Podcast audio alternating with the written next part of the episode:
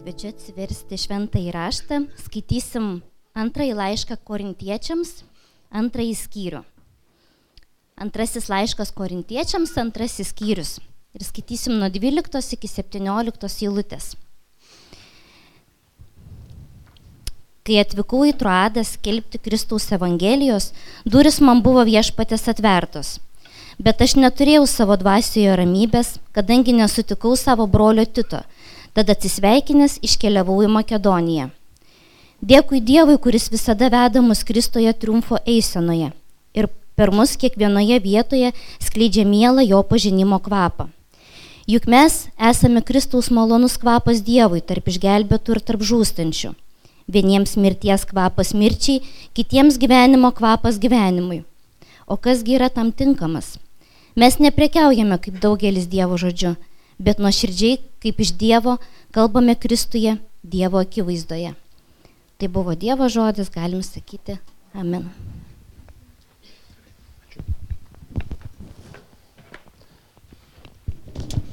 Pasimelskime, dangiškasis tėvė, mes prašome, kad atvertum savo žodį ir per jį pamokytum mus, kad ne tik įgytume žinių, kas mums labai svarbu, bet taip pat mes būtumėm tavo dvasios paliesti ir viešpatie kad mes būtume keičiami tavo žodžio, kad mes atspindėtumėm tavo sūnų Jėzų Kristų, jo šlovingą Evangeliją savo gyvenime. To prašom per Kristų ir dėkojam.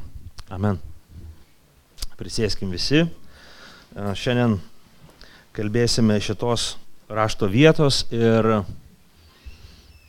kalbėsime apie Dievo pažinimo kvapą. Kvapai svarbus, svarbus dalykas, aš viliuosi, kad kas sirgote COVID jau atsigavote ir jau užuodžiate kvapus. Aš turiu draugą, kuris dar neužuodžia kvapų. Tai palaiminta jo žmona, nes gali per daug nesistengti gaminant maistą, vis tiek jisai yra beskonis.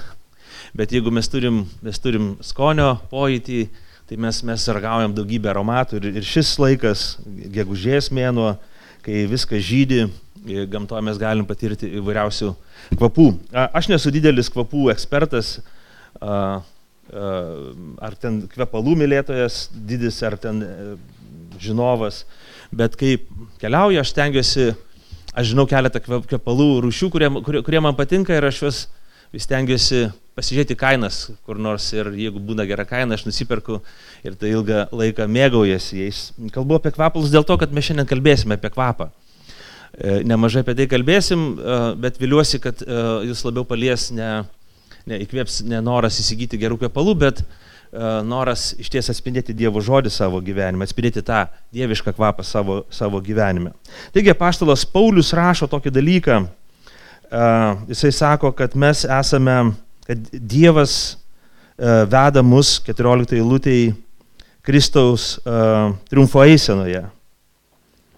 Ir čia labai įdomus, uh, įdomus labai dalykas. Uh, Kristaus, Kristaus e, triumfo eisena ir ten sklinda kvapas ir panašiai. Kristus vaizduojamas kaip Romos generolas ir, ir mes žinome, kad Romos generolai laimėję pergalės eidavo į sostinę, į, į, į Romą ir vesdavo visą kariuomenę, uh, savo kariauną, visą grobį, kurį užgrobdavo, vergus, turtus, e, tą spindinčią, apvalytą, nupraustą pakvėpinta kariuomenė, kad jinai uh, demonstruotų Romos didybę, pergalę ir jeigu kariams pavyko nugalėti, visa visuomenė turėjo žinoti. Tai buvo viešas renginys. Labai svarbu uh, tą pabrėžti, nes visas miestas būdavo sutraukiamas ir, ir, ir, ir minios susirinkdavo, kad stebėtų tą didingą uh, renginį, nes daugelis artimųjų pasildavo savo uh, savo artimųjų kariškių, karių. E, daugelis laukia žinių, nes tuo metu interneto nebūdavo, taip žinios pasiekdavo, kad karas laimėtas, mūšis, mūšis uh, sėkmingas, uh, ateidavo kažkokie žinios nešėjai, jie praneždavo, bet vėl pamatyti savo akimis tą kariuomenę, pergalingą kariuomenę, turtus, galę, valstybės įtvirtinimo ženklus, kad mūsų imperija yra stipri, kad mes laimim mūšius, mes nugalim sukilėlius, mes užėmam naujas žemės, buvo labai svarbus dalykas. Ir aišku, tai lydėdavo, galiausiai tą triumfo eiseną lydėdavo šventė, švesdavo visą, visą visuomenę. Mes tampam galingesni, mes tampam tvirtesni, mes tampam turtingesni ir mes galime tai švesti. Netylus kariuomenės įvedimas į kariuomenės kažkokius, tai e, garnizonus, kažkokias vietas, kur kariuomenė tiesiog sudeda savo ginklus, ilsisi ir panašiai, bet garsi, triukšminga, vaizdinga, kvepalais iškvepinta eisena, kad visi matytų, girdėtų, užuostų, patirtų, kad tai yra labai svarbus dalykas. Ir Paulius kalba apie tai, kad Kristus yra visų krikščionių, jo paties ir visų krikščionių tikrasis generolas, kariuomenės vadas. Toks pat generolas koks buvo sėkmingas, nežinau, Julius Cezaris ar kiti Romos uh, generolai, paskui tapę imperatoriais ar imperatoriai, kurie vadovavo kariuomenėms. Jėzus Kristus yra tikrasis krikščionių generolas, kuris veda mus pergalės eisenui, Paulius sako, ir kurio, kuriam mes laisvanoriškai, nesam pavergti per jėgą, bet kuriam pada pavedėm savo gyvenimus laisvanoriškai ir jis mus veda toj eisenoj. Mes esam uh, vedami toje eisenoje. Kokia ta, ta eisena? Koks tas triumfas, kaip jį, kaip jį švenčiama, kas, ką mes švenčiam kaip krikščionis. Mums gali kilti klausimų, kas yra tas krikščioniškas triumfas, kas, kas tai yra, kas, kas, kas krikščionio gyvenimo yra tikras e, krikščionybės triumfas, ką mes galim sakyti, va, tai, yra, tai yra ženklas, tai yra parodimas, kad Dievas su tavim. E, ir kartais aš manau, krikščionis labai pasimetam ir turim daugiausiai daug visokių skirtingų atsakymų ir nebūtinai teisingi jie būna. Mes kartais galvom, kad sėkmė gyvenime yra e, Kristaus Dievo buvimo įrodymas mano, mano, mano gyvenime. Aš patiriu sėkmę, bet kokią sėkmę. E, fizinę sėkmę, sveikatą, e, turiu e, karjerą, šeimoje viskas man gerai, puikiai sekasi, e, su darbais viskas, viskas labai gerai. Ir tai tarytum būna ženklas mums kaip krikščionėms, kad, e, kad Dievas yra su mumis tarytum tai Dievo, Dievo, uh, uh, Dievo pergalės ir buvimo mūsų gyvenime ženklas. Bet iš ties taip nėra. Uh, Paulius apie tai nekalba. Uh, mes dažnai kaip krikščionys galvojame, kad tie uh, triumfo ženklai, tam tikra krikščionybės tiesos įrodymo ženklai, Dievo su mumis buvimo įrodymo ženklai yra kažkokie išoriniai štai mes kažką padarėm, štai išoriškai kažką įtvirtinom, štai kažką pastatėm, štai pa, iškėlėm aukštai kryžių, štai pastatėm didžiulę bažnyčią, štai padarėm kažkokį ypatingą darbą ir tai tarytum yra įrodymas. Tai gali būti ir gali nebūti įrodymas, kad, kad Kristus yra išaukštintas e, gyvenime ir panašiai. Žiūrėkim, 14 eilutė e, kalba labai tokį įdomų, labai, labai įdomų dalyką kad, e, žiūrėkit, dėkui Dievui, kuris visada veda mus Kristuje triumfo eisena ir per mus kiekvienoje vietoje skleidžia mielą jo pažinimo kvapą. Taigi, žiūrėkit, iš tikrųjų tas tikrasis krikščioniškas triumfas yra Dievo pažinimas, Kristaus pažinimas. Ir to pažinimo pritaikymas bei atspindėjimas kasdieniam gyvenime. Kristaus pažinimas ir to pažinimo pritaikymas ir atspindėjimas kasdieniam gyvenime. Štai kas yra krikščioniško gyvenimo triumfas. Kai mes pažįstam, kas yra Kristus, pažįstam Evangeliją, Dievo išganimo žinę kiekvienam iš mūsų. Ir kai leidžiame, kad jinai perkeistų mūsų gyvenimus. Kad ne tik mes žinotumėm Evangeliją, bet kad leisime, jog Evangelija būtų įkūnyta mūsų gyvenime, mums paklūstant Evangelijos tiesai ir gyvenant pagal Evangelijos mokymą.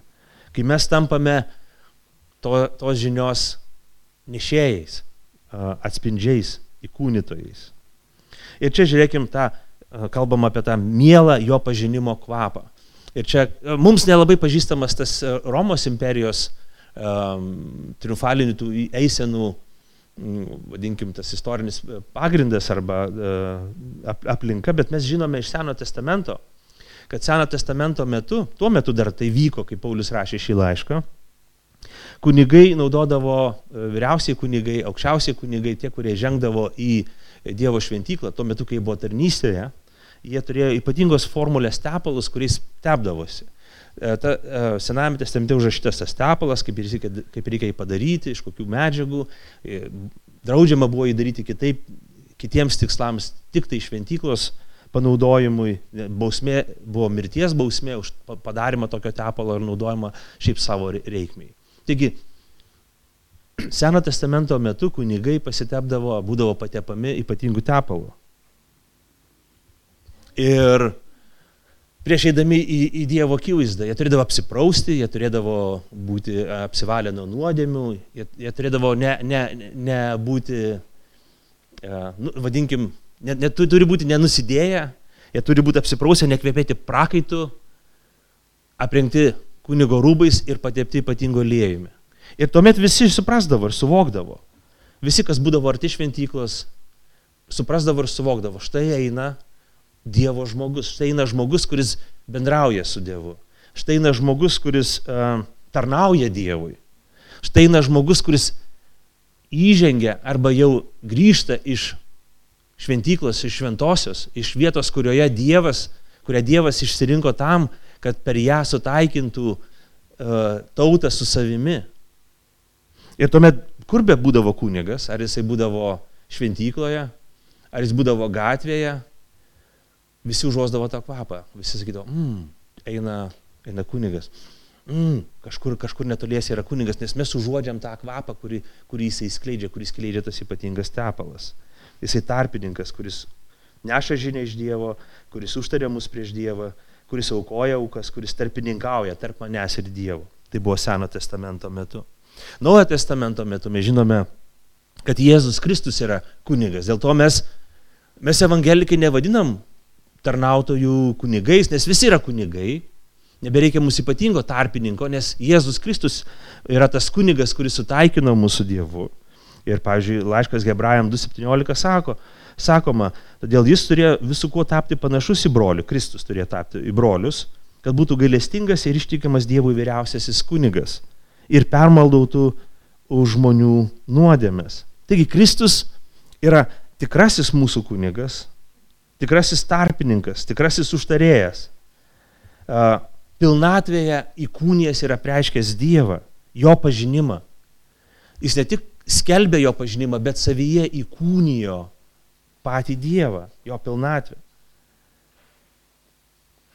Žiūrėkime, čia labai svarbu, ne tik tai kalba apie Dievą, bet savyje įkūnyje Dievą, savyje įkūnyje tas vertybės, ne tik skelbia Evangeliją, bet savyje įkūnyje Evangelijos žinę. Mes žinom, kad prieš nukryžiavimą Jėzus taip pat buvo pateptas ypatingų tepalų, brangių tepalų ir prieš tai, kai jisai ėjo ne į šventyklą, bet ėjo ant kryžiaus. Ėjo ne aukoti kažką tai už žmonių nuodėmės, bet pats mirti už kitų nuodėmės, pats būti paukotas kaip auka Dievui. Ir mes žinom, kad Marija patepė Jėzui kojas, šluostė savo plaukais ir taip toliau, ir pas, tepė, e, patepė grino nardo tepalo. Ir tada Jėzus vėlgi taip pat kvepėjo, lygiai taip pat. Prieš nukryžiavimą Jėzus vedamas e, pas Pontijų pilotą, pas Erodą, galiausiai į, į nukryžiavimo vietą taip pat kvepėjo. Tas kvapas sklido, fizinis kvapas sklido nuo jo. Ir Paulius panaudodamas šitas metaforas, jisai kalba apie tai, kad, kad štai žiūrėkit, brangieji, mes esame tą triumfo eiseną. Kaip Jėzus, kad savyje įkūnijo Evangeliją, žinę, e, Dievo perkeistą nežinau, perkeisto gyvenimo aušrą, taip ir lygiai mes esame tas malonus kvapas. Dėkim. Dėkui Dievui, 14 eilutė sako, kuris visada veda mus Kristuje triumfo eiseną ir per mus kiekvienoje vietoje skleidžia mielą jo pažinimo kvapą. Juk mes esame Kristaus malonus kvapas Dievui, tarp išgelbėtų ir tarp žūstančių. Dėkim. Per mus kiekvienoje vietoje, 14 eilutė sako, skleidžia mielojo pažinimo kvapą, juk mes esame Kristaus malonus kvapas Dievui. Taigi žiūrėkit, mes kaip krikščionys esame tas kvapas. Mes kaip krikščionys skleidžiame Dievo pažinimo kvapą. Mes esame tas kvapas. Mes kaip Kristus esame pašaukti pažinti, patirti jį ir įkūnyti savį, perkeičiančią, gelbsinčią, gelbsinčią ir perkeičiančią Evangelijos žinią kad įkūnytumėm savyje Kristų, tą Evangelijos žinę. Kad patys taptumėm to pažinimo kvapu. Krikščionis ne tik turi skelbti žinę apie Dievą, tai labai svarbus dalykas, pasakoti apie Jėzų Kristų, liūdyti kitiems, koks yra Kristus, mokyti apie jį,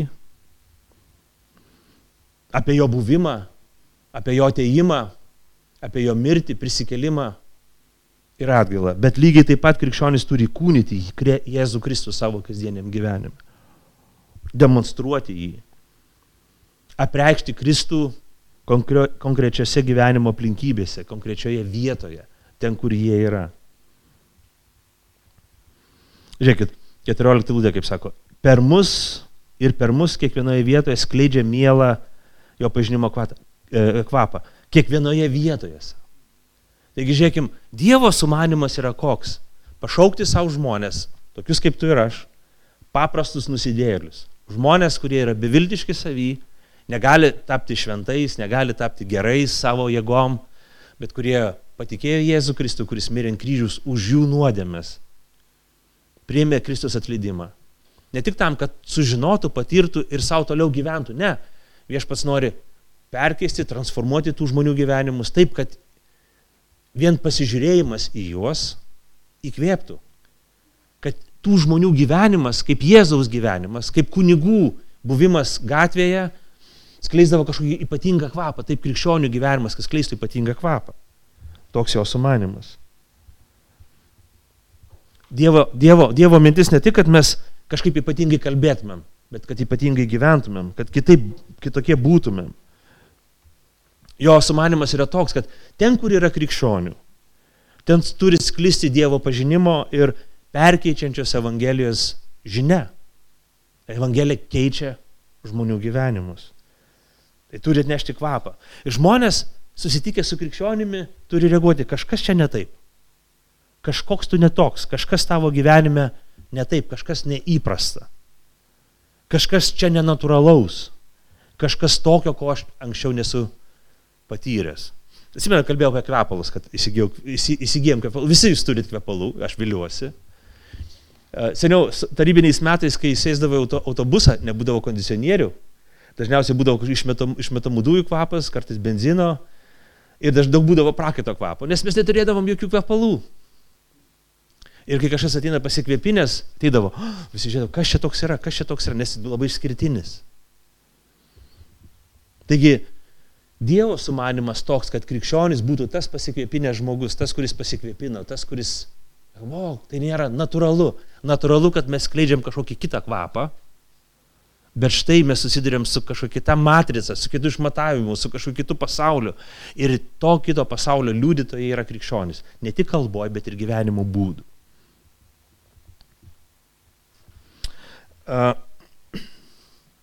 Kvapas visiems, dar labai įdomi mintis. Žiūrėkit, juk mes esame, 15 eilutė, Kristaus malonus kvapas Dievui tarp išgelbėtų ir tarp žūstančių. Žiūrėkit, kai mes kvepinamės, nežinau kaip jūs tai darot, Gal, aš, aš labai taupau kvepalų. Uh, taupau, krūvą metų turiu tos, tą, tą patį buteliuką ten į saugų, čėdau ir panašiai. Bet aš nežinau, jūs galbūt kitaip darot, bet dažnai mes nesikaipinam dėl savęs. Uh, aš manau, kad mažai kas naudojasi brangiausiais, kokius turit savo namuose kvepalus, eidami į sodą padirbėti. Arba į daržą. Sako, o dabar va dirbsiu, prakaituosiu, einu pasikvėpinsiu. Einu garažą mašiną paremontuoti ir dabar pasikvėpinsiu, kad nu, vis tiek kažkaip malonu būtų. Paprastai mes kvėpinamės, kai einam susitikti su kažkokiais kitais žmonėm, ar, ar ne taip? Kai mes einam į miestą, einam uh, į, į darbą, į svečius, į kažkokį tai pokylį, uh, arba kai skiriam laiką mylimajam ar mylimajai. Taip ir krikščioniško gyvenimo pasikeitimas, tas ženklas, kvapas, uh, skirtas ne tik krikščionėms, tai labai svarbus dalykas kad mes, būdami krikščionys susirinkime bažnyčiai, namų grupeliai, bendraunami vienas su kitu, mokytumės elgtis kaip krikščionys. Nes to reikia mokytis. Mokytis neapkalbinėti, nepavydėti, būti atlaidžiam, būti gailestingam, jautriam, nuolankiam ir drąsiam. Ir to reikia tai nėra lengva. Ir bažnyčia pirm, ta pirmiausia vieta, kur mes taip mokomės. Gyventi Dievo pažinimu, Bet ne tik ta vieta, lygiai taip pat ir visas mūsų gyvenimas. Kvapas skiriamas ir tiem žmonėm, kurie mūsų nepažįsta, kaip kunigai. Ateidavo, jie būdavo patepiami tam, kad eitų šventų švenčiausia. Tam, kad aukodami auką Dievui, jie tinkamai atstovautų Dievą, kad būtų primtini Dievui. Bet tuo pat metu, kai jie išeidavo prie žmonių, į žmonės tas kvapas pasiekdavo ir žmonės, ne tik Dievą. Taigi, kaip kunigų tas tepalo aromatas turi pasklisti šventykloje, bet paskui ir gatvėje, namuose, visur, kur tik žmogus eina ir būna. Taip ir krikščionys. Pirmiausia, pirmiausia, čia turi gimti tas kvapas. Kai mes gėdam giesmę, kai mes melžiamės draugiai, kai mes atgailaujam už savo nuodėmės, kai mes pirmą kartą pasišvenčiam Jėzui Kristui, kai mes atnaujinam savo pasišventimą Jėzui Kristui. Kartais su jauduliu, su ašaromis, kartais paprastai ramiai, paklusdami giesmės žodžiams, melzdamėsi kartu su tuo, kas veda maldą. Bet tai darom. Ir to, tokiu būdu tas kvapas mumyse įsisunkia, tas kvapas mumyse atsiranda. Bet jis neturi čia ir pasibaigti. Dievo sumanimu, kad mes kiekvienoje vietoje, visur, visur, visur, tarp išgelbėtų ir tarp žūstančių, namuose, darbo vietoje, rinkoje, ūkdymo įstaigose, politikoje, visuomeniai, paslaugų verslo pasaulyje. Visas gyvenimas, visa tai, kas yra mūsų gyvenimas, ten, kur mes esame, mes esame pašaukti skleisti tą Kristaus pažinimo kvapą. Mes esame toj eisena, mes einame, nepasislėpę nuo visuomenės, bet kaip tik eidami toj triumfo eisenai. Kristus eina pirmas. Ir Kristus patraukia minės prie savęs. Mes kaip krikščionys sakom, mes sekam paskui jį, mes einam su juo mes nesibodim, nesigėdinam to dalyko. Bet, uh, bet mielai dalinamės tuo, kas, kas yra mūsų gyvenimas. Dievas taip sumanęs, kad krikščionys ne tik patys džiaugtųsi Dievo pažinimu ir perkeisto gyvenimo tą šlovę ir, ir gerumu, bet kad duotų tai patirti ir tiem žmonėm, kurie dar nepažįsta Kristaus.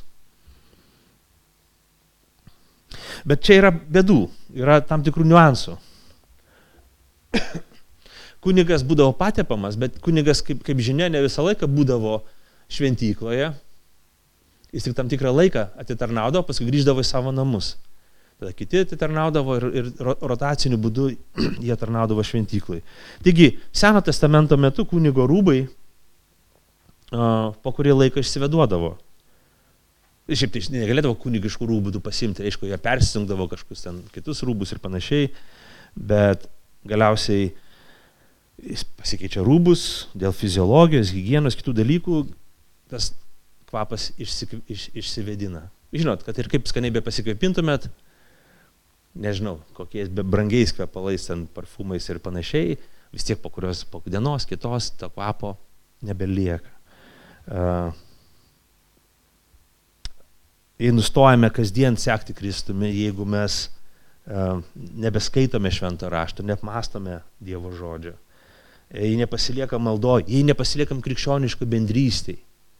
Labai, labai geras priminimas tos krikščioniškos bendrystės buvo Kriso Liuiso pamokymas apie tai, kad mes negalim būti virtualūs krikščionis.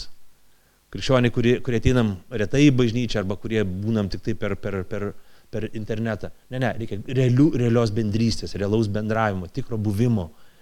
Kaip, kaip aš negaliu pasikvėpinti kvepalais per televizorių. Nu, negaliu tiesiog. Nuotrauką žiūriu, nepasikvėpinu, žiedamas kvepalų nuotrauką. Man reikia paliestos kvepalus, reikia, kad jie paliestų mano kūną, mano rūbus ir tada aš kvepėsiu. Taip lygiai ir tikras bendravimas, tikra, tikras natūralus bendravimas, buvimas krikščioniškoje bendruomeniai persunkia mane tuo, tuo buvimu, bet jeigu aš šiek tiek nutolstu, jeigu mano dėmesys nukrypsta į, šon, į šoną, aš jau nebesklidžiu to Dievo pažinimo kvapo. Jisai jis dinksta, jis dinksta. Nutinka taip, kad kaip krikščionys, nekrikščionims mes labai prastai atstovaujame Dievo pažinimo kvapą. Ir kai mes nustojame skleisti jo pažinimo kvapą, mes pradame skleisti ką? Savo kvapą. Prisiminkite tokį nutikimą, kai kažkur skubėjote, bėgote, nežinau, į bažnyčią, į darbą, į kokį sutikimą ir nusimesdami savo kasdienius rūbus, taiga užsidėt marškinėlius, užsidėt marškinėlius ir sėdate į automobilį ar kažkur ir pasižiūrit kažkoks toks jausmas nelabai geras. O tu pasiemė, ne, ne, ne šviežiai plautus, bet pasiemė tuos rūbus, kuriuos panešioja jau esat. Ir tas, žinot, mūsų skleidžiamas kvapas nebūna labai įkvepiantis. Ir tada galvot, o, jargutėliau, dabar aš toks biškė esu, kai reikia bendrauti per atstumą, nes, nes nemalonų kvapą sklydžiu. Aš neapsirengiau švaraus rūbo, aš ne, ne, nepasikvėpinau. Tai švelniai tariant, galima būtų pasakyti, kad mūsų kvapas neįkvepia. Kvapas, kurį mes natūraliai skleidžiam iš savęs, jis neįkvepia kitų. Ir žmonės, kurie dalinasi tuo kvapu, mums nebūna didelis įkvėpimas. Tai mūsų sugėdimo kvapas, perkeltinė prasme kalbant. Mūsų sugėdimo kvapas. Mūsų nuodėmė, mūsų širdį esanti nuodėmė, jeigu jinai nepridengta Kristaus, jeigu nenuplauta Kristaus, jinai, jinai, jinai yra jinai baisi. Tai mes, mūsų, tai mūsų išmintis, kai mes patys pasirenkam. Tai mūsų gyvenimas, kai mes patys nusprendžiam, kaip mums reikia gyventi. Tai mūsų pačių pasirinkimai, tegul niekas mums šiandien neaiškina, kaip reikia pasirinkti. Tai mūsų prieštaravimas viešpačiui, priešinimasis jam, jo išminčiai, jo vadovavimui, jo tvarkai, jo žodžiams, jo potvarkiams amžiniems. Taigi mūsų noras savo jėgom tvarkyti savo pačių gyvenimus, kaip mums atrodo tinkama. Ir Biblija nuo pat pradžios parodo tokio gyvenimo tragizmą. Pirmas žmogus, pirmieji žmonės, Adomas ir Jėva, kurie nepakluso Dievui, kurie nusprendė į savo keliu, pamatė viso to gyvenimo tragediją, baisę tragediją. Pirmiausia, dvasiškai apako, jie prado ryšį, atsirado baisingos vidinės problemos kaip nerimas, baime, neužtikrintumas, nepasitikėjimas, melas, tiesos iškraipimas. Galiausiai ateina bais, baisi destrukcija į socialinį gyvenimą. Jų vienas vaikas nužudo kitą vaiką. Ir mirtis, sugėdimas įsisunkia į, į žmogaus gyvenimą. Lygiai taip pat ir mūsų gyvenime. Kai mes nesirūpinam būti pakvepinti viešpaties, būti įsiklausę Evangelijos žodį. Nesame nusiteikę klusniai klausyti, kaip Evangelija mus moko kai mes norim gyventi savo gyvenimą, taip kaip mums atrodo protinga. Mes pasiliekam tame savo, kvape. Evangelijos jėga ne, nepasireiškia mūsų gyvenime. Ir mes tai jaučiam. Asmeniniai, mūsų vidinės būsenos būna klaikios. Mes tai jaučiam socialiniam gyvenime, nes mes kitais nepasitikim. Mes matom tai, ką apaštalas Paulius užrašo laiške Galatams kad kūno darbai aiškus, kūno darbai aiškus. Tai, tai yra kūno darbai - palistovavimas, ištvirkavimas, netirumas, gašlavimas, tameldystė, burtininkavimas, priešiškumai, nesantaikos, paviduliavimai, piktumai, vaidai, nesutarimai, susiskaldimai, pavydai, žmogžudystės, girtavimai, orgijos ir panašus dalykai. Aibė dalykų, aibė dalykų, aibė dalykų. Kai mes tampame, atrodytų krikščionimis, mes esam krikščionis, mes mokam krikščioniškus žodžius, mes mokam kaip elgtis bažnyčiai mes žinom, kaip, kaip vardyti šventą raštą, mes galim pacituoti šventą raštą, bet esam tiesiog nepatikimi žmonės. Ne, nepatikimi darbuotojai. Blogi sutoktiniai. Blogi tėvai. Kai mes, galvo, mes gyvenam nesubalansuotą gyvenimą. Mes galvom, o, padarėm kažkokį žygdarbį bažnyčiai, labai gerai pasimeldėm. Bet nežiūrim, kaip mūsų vaikai auga. Neturim ryšio, neišmokėm jų, kaip tiesiog gyventi gyvenimo. Nesirūpinam jais.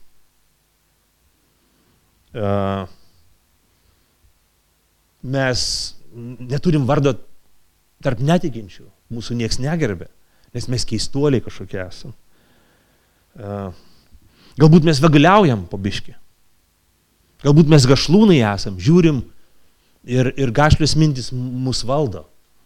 Galbūt mes esam priklausomi nuo pornografijos. Galbūt mes esam gundytojai ir metom kažkokius dalykus, žaidžiam žaidimus ir galvojam apie alternatyvų gyvenimą, kažkokį tai, o kaip čia galima kurti, fantazijų pasaulį gyvenam. Galbūt mes esam plėtkininkai ir apkalbinėtojai. Ilga liežuviai, kurie, kurie apkalbam visus, pliekiam savo, savo liežuvių kaip botagu per, per kitų žmonių gyvenimus.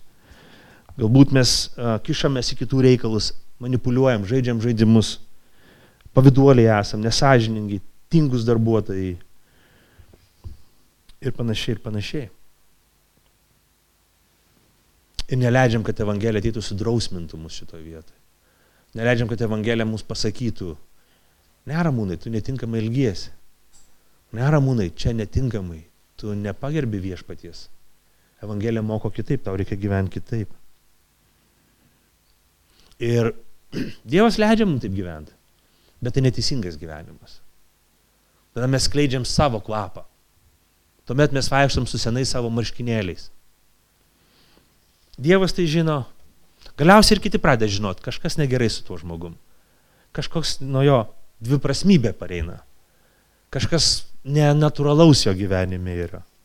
Jis kalba labai gražiai, o paskui galiausiai net ir gražiai nekalbėti nustoja jau. Taigi klausimas, kokį kvapą skleidi tu? Kokį tavo gyvenimas kvapas skleidžia kitiems žmonėm, bažnyčiai ir pasauliui. Ir jeigu mes būsim sąžininkai ir atviri, dabar turėtume būti įsitempę. Nes sąžinė ir šventoji dvasia mums turėtų liūdyti, ne viskas gerai su manimi yra. Ne visose savo gyvenimo srityse aš esu caca lelė, gerutis, toks katinėlis, įkvepiantis pavyzdys kitiems. Ir turėtum patirti skausmą, kad viešpatie Jėzau, aš ne visą laiką skleidžiu tavo Evangelijos malonų kvapą. Kristus perkeitimo perkeisto gyvenimo žinę. Ačiū Dievui, kad viešpas atėjo nepalikti mūsų čia. Jis atėjo mūsų išgydyti, atėjo mūsų e, gelbėti, jis atėjo gydyti kaip ligonis, jis atėjo gelbėti kaip nusidėlių, jis atėjo gelbėti kaip paklydusių avių, jisai nori, kad mes, kad mūsų gyvenimai būtų pašventinti, jis nori, kad mūsų gyvenimą atspindėtų. Jėzų Kristų, jo Evangeliją, jo keičiančią jėgą. Ir aš noriu sakyti, aš viliuosi, jūs sutiksit su manim, sakysim, viešpatė Jėzau, aš esu čia. Toks, koks esu. Ir ateik pas mane. Ateik į tą vietą, kur esu aš. Ateik viešpatė Jėzau, išgydyk mane. Perkeisk mane. Nuprausk mane. Apvalyk mane. Pakvėpink savo kvepalais, pakvėpink savo, savo, savo gerumu, savo, savo Evangelijos žinia. Taigi mes esam pašaukti, broliai sesės, kasdien išsižadėti savęs. Savo kvapo, tos traukos daryti nuodėmę, visur elgtis pagal save. Mes esam pašaukti prisipildyti Dievo, prisipildyti Jo patepimu, būti pakvepintais Jo kvapu. Jeigu Seno testamento tie tikrieji natūralūs kvepalai ir mūsų kvepalai, kuriuos mes perkam, išsivedina, tai dangiškieji niekad neišsivedina, jei mes tik pasiliekam Jėzui Kristuje. Jei mes būnam jame, jeigu mes ieškome viešpaties, būnam pas jį. Nereikia jokių pasiekimų, neturim būti turtingai žmonėm, neturim turėti jokių ypatingų nuopelnų, pasiekimų. E, Kristaus nuopelnai mums duoda to, tą perkeitimą, nuodėmę atleidimą, ir naujo gyvenimo džiaugsmą. Mums tai reikia ištikimai jį sekti. Kasdien. Paklusti jo žodžiui. Skaityti jo žodį. Suprasti jo žodį ir paklusti jo žodžiui. Vykdyti jo valią. Priešingą atveju mes aišku kvepėsim taip, kaip mums patiems gaunasi. E, labai įdomus dalykas, kad, sako, mes esam tas uh, kvapas, bet 16 eilutė sako, vieniems tai kvapas, tai mirties kvapas mirčiai, kitiems gyvenimo kvapas gyvenimui. Ne visi vienodai reaguoja. Aš galvoju, pirkti kvepalus dovanų yra nedėkingas reikalas, nebent tiksliai žinai, kas žmogui patinka. Nes yra labai skirtingi kvepalai. Vienam sako, kaip skaniai kvepia, kitas pavos, sako, kas čia dabar per dalykas, ir štai dar pinigus reikia mokėti. Būna, sko, skiriasi skoniai mūsų. Ne? Aš žinau, čia skonio reikalas ar neskonio reikalas, bet įdomus dalykas. Atrodytų pamatyti, nes dvasiniai pasaulyje kažkas panašaus vyksta. Atrodo pamatyti žmogų, kurio, kurio gyvenimas radikaliai pasikeitė. Tiesiog jisai buvo savanaudės žmogus, gyveno savo, be prasmės, be vilties. Ir staiga jis atranda Kristų, atranda džiaugsmą, atranda perkeisto gyvenimo tikrovė ir jis pradeda gyventi kitaip. Atrodo, kad visi turėtų tuo džiaugtis ir, dėl to turėtų švęsti. Bet tikrovė yra kitokia. Kad Kristaus liūdimas, jo, jo Evangelijos apreiškimas, įkūnymas nesukelia vienos ir tos pačios reakcijos visame pasaulyje. Žmonės pasidalina į dvi grupės. Arba, arba. Nėra trečios grupės. Paulius radikalus, jis ne, neišgalvoja sudėtingų schemų, čia yra išlygų, viskas labai sudėtinga, nes viskas paprasta.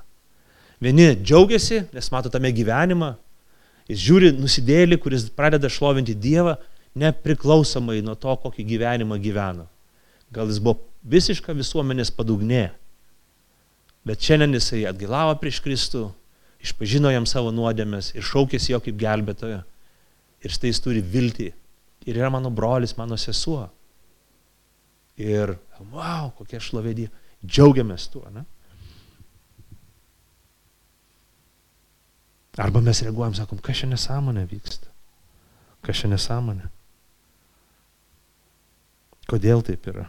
Kažkuriem žmonėm toks liūdimas skamba kaip gyvenimo pabaiga.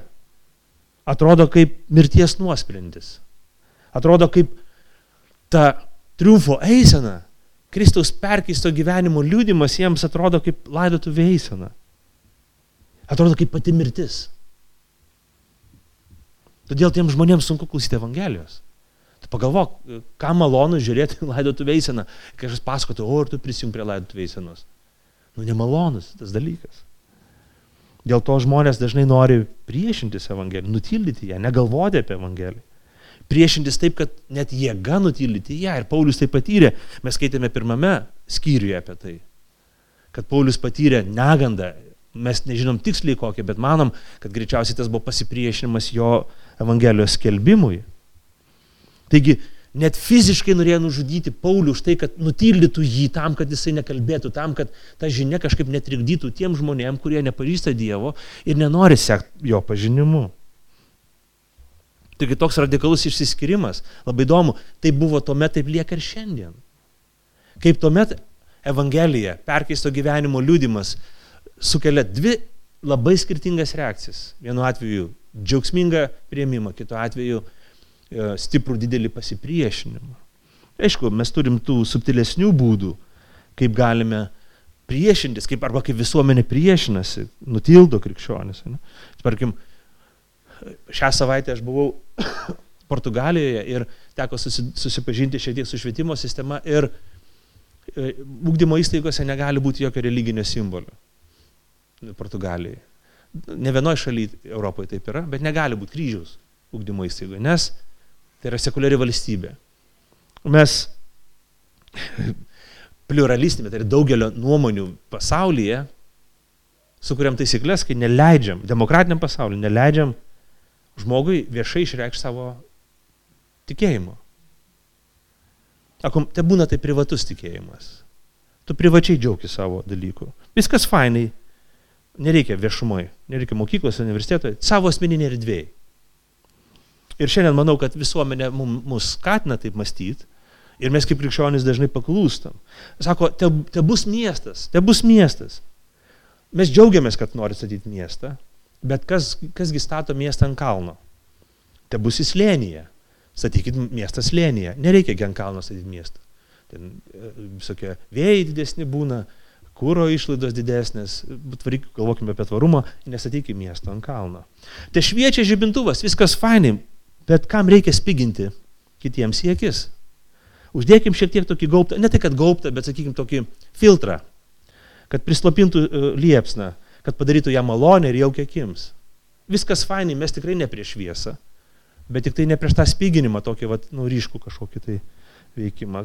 Te bus ta druska, nors mes pastebėkim, kad nesveika naudo druską, bet kam jie pilti žmonėms ant žaizdų?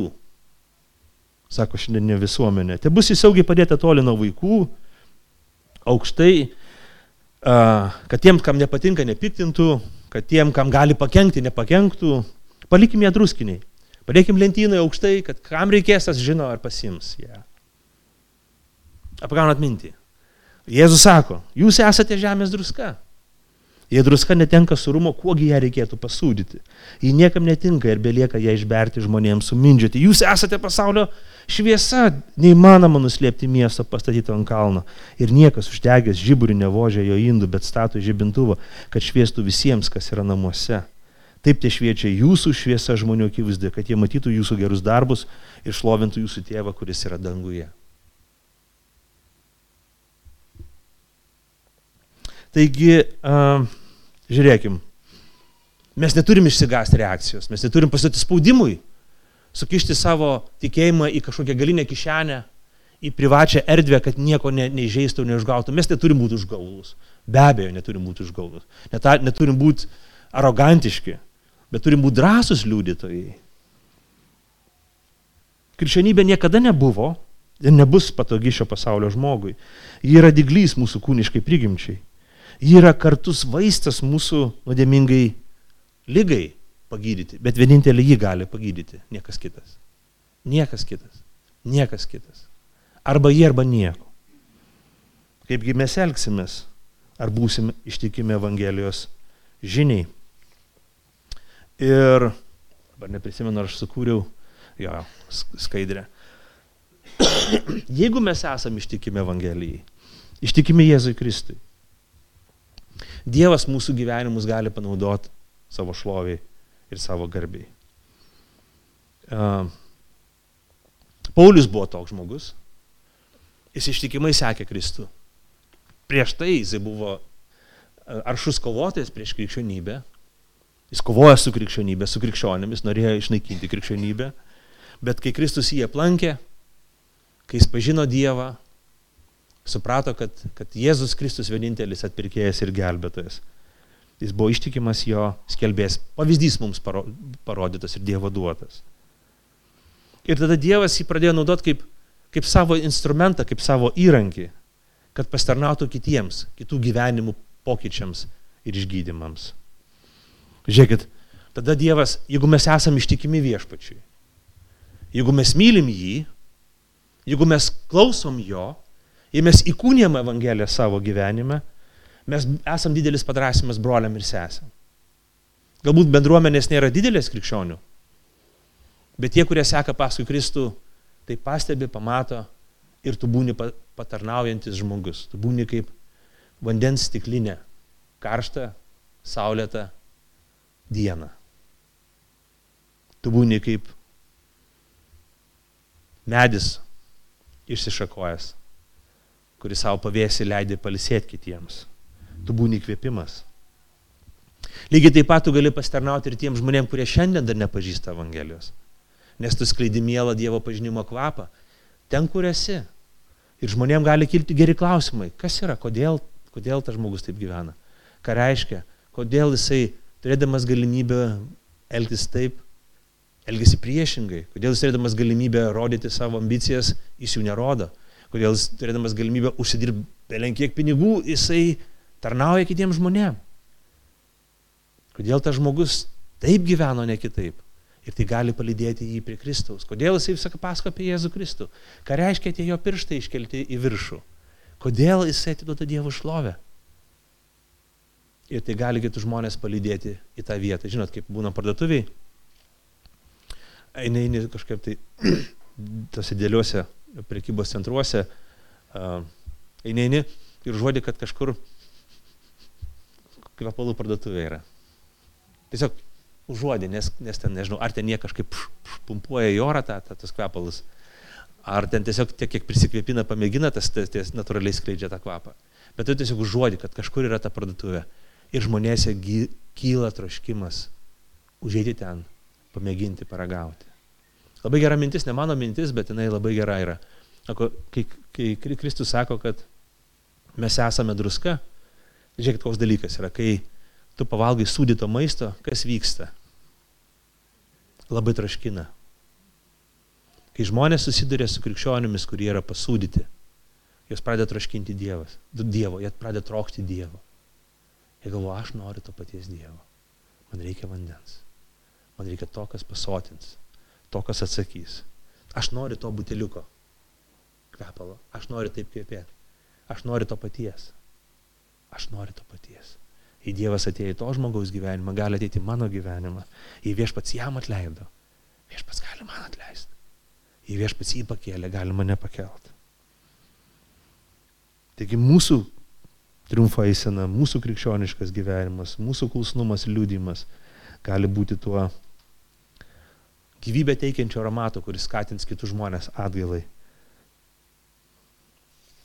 Viena detalė apaštalas Paulius gyveno sudėtingose aplinkybėse. Jis rašo šį laišką sudėtingose aplinkybėse. Jis neseniai išgyveno mir, mirties grėsmę. Jisai 12 skyrius, e, atsiprašau, antros skyrius pirmoji daly, mes jos neskaitėme, kalba apie ypatingus sudėtingus santykius, apie tai, kad jis ar jo pasiuntinys buvo stipriai įžeistas, tada Paulius atleido tam žmogui, tada bendruomenė nepriėmė nei to įžeidimo, nei paskui suprato jo atleidimo. Santykiai labai komplikuoti, labai sudėtingi. Ir Paulius sako, mes esam Kristaus pažinimo kvapas. Dažnai mums gera būti krikščionėmis, mums lengva būti krikščionėmis, kai viskas fainai, kai viskas gerai.